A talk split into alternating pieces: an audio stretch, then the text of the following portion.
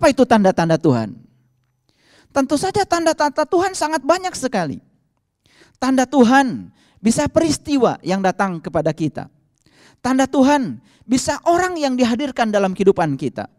Tanda Tuhan bisa apa saja yang terjadi dan dipertemukan dalam kehidupan kita. Begitu banyak tanda-tanda Tuhan berseliweran datang kepada kita tapi kita tidak mengerti tujuan kehadiran tanda-tanda itu. Itu yang dalam Quran disebut dengan ulaikal ladina kafaru. Kafaru, kafaru itu sudah menjadi bahasa kita. Kita sering menerjemahkannya dengan kata-kata kafir. Cuman sayang sekali. Begitu banyak orang yang menggunakan kata kafir di tempat yang salah. Bahkan digunakan untuk menjustifikasi orang lain yang berkeyakinan berbeda dengan dirinya.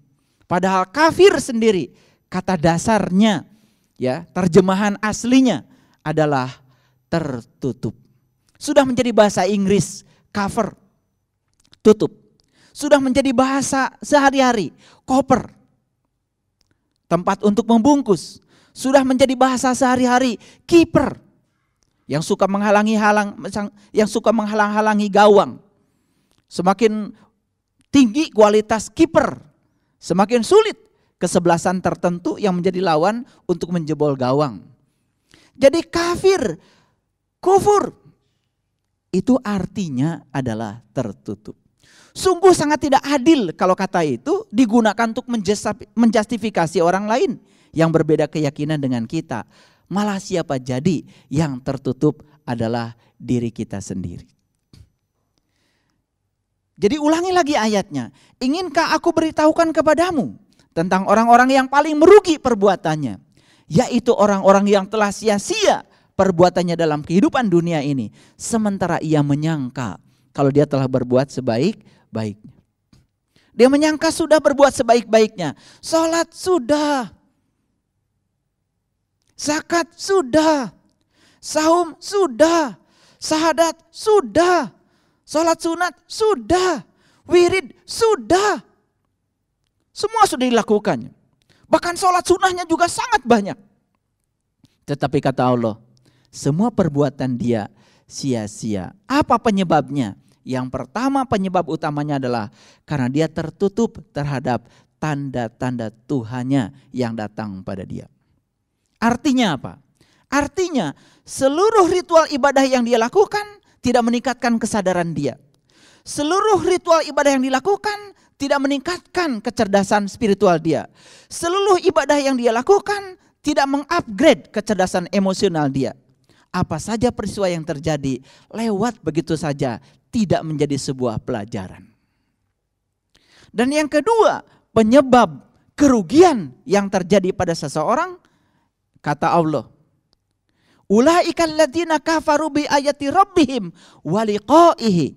Yang kedua, tertutup terhadap perjumpaan dengan Tuhannya. Makanya kalau kita jujur, hampir dipastikan di Quran tidak ada nabi, tidak ada rasul yang ibadah dari kecil. Mereka semua melakukan sebuah proses pencarian. Setelah ketemu dengan yang dia cari, itulah ilmu yang mendasari ibadahnya. Makanya para bijak mengatakan awalnya agama adalah mengenal Tuhan. Awaludin ma'rifatullah ta'ala wa rasuli. Awalnya agama adalah mengenal Allah dan Rasulnya. Kenapa demikian? Supaya ibadah kita tidak terjebak oleh kerugian dan kesia-siaan.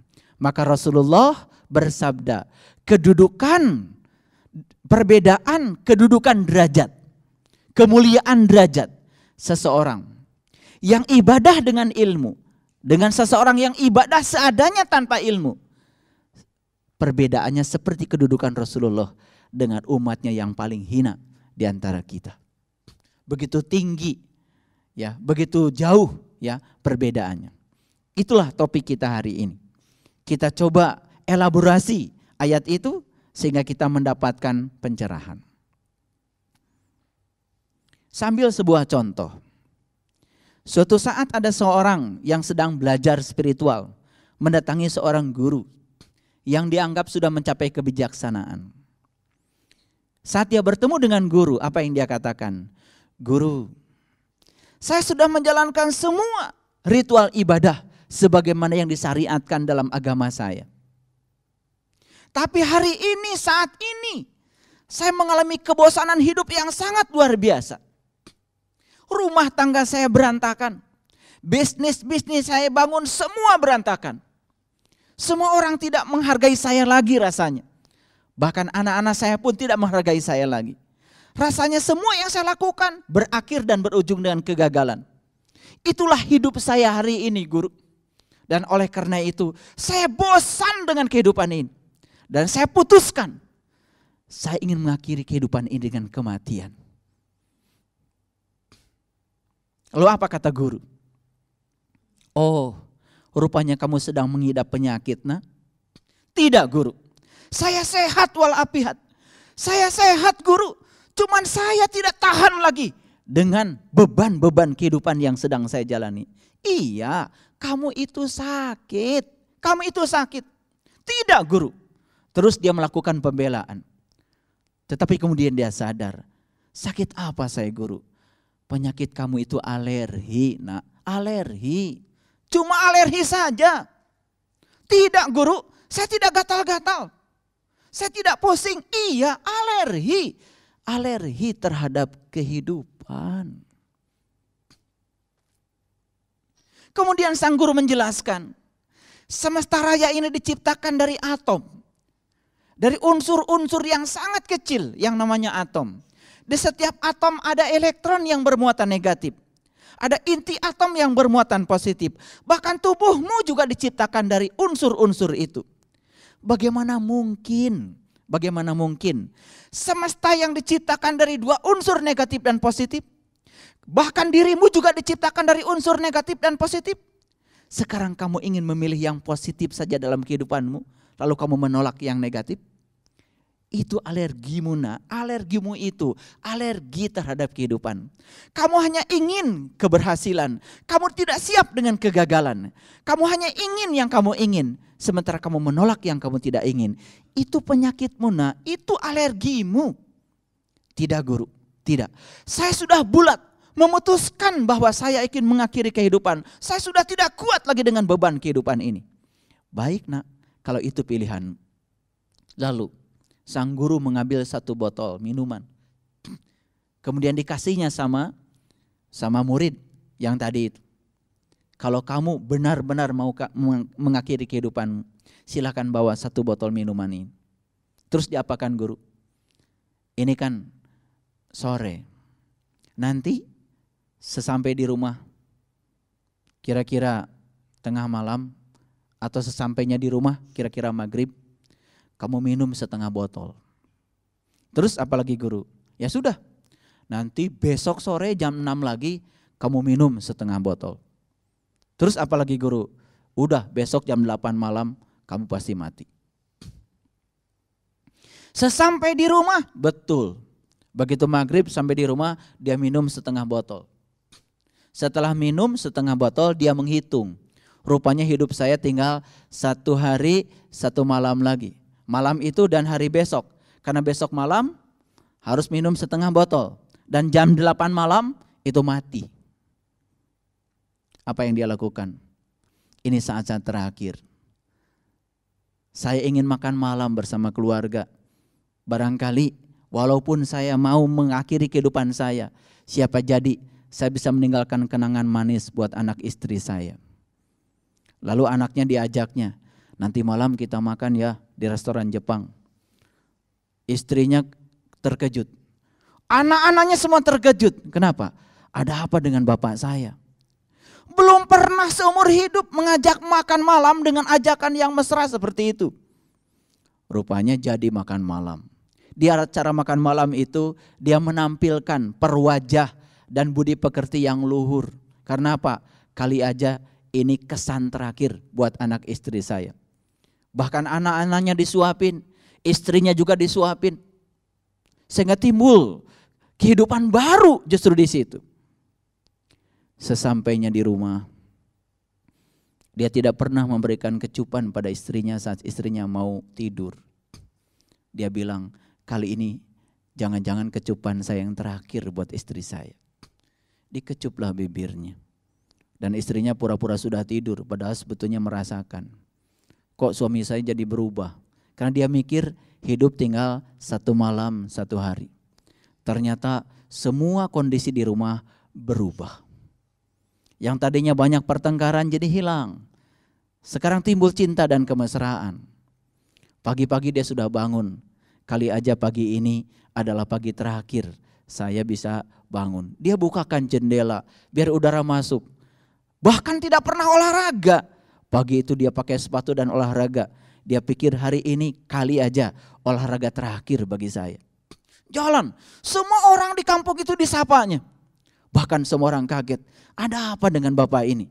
Biasanya kalau kalau lewat saja nggak pernah menyapa, lagi olahraga pun semua orang disapanya. Pagi-pagi siapkan mobil pergi ke kantor. Sampai di kantor semua satpam semua disapanya. Bahkan semua orang di kantor bingung.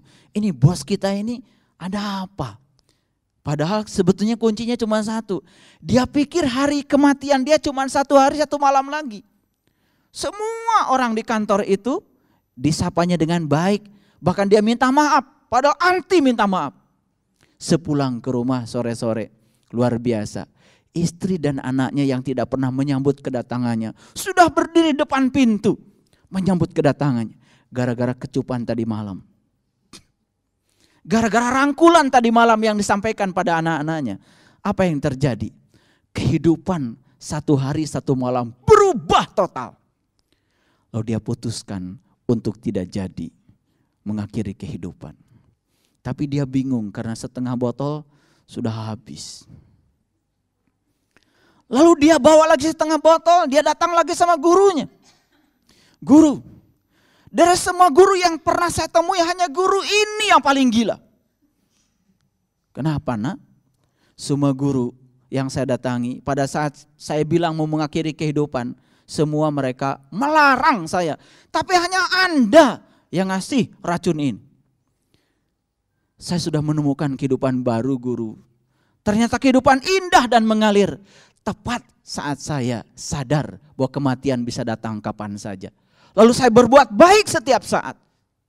Terus saya putuskan untuk tidak jadi mengakhiri kehidupan.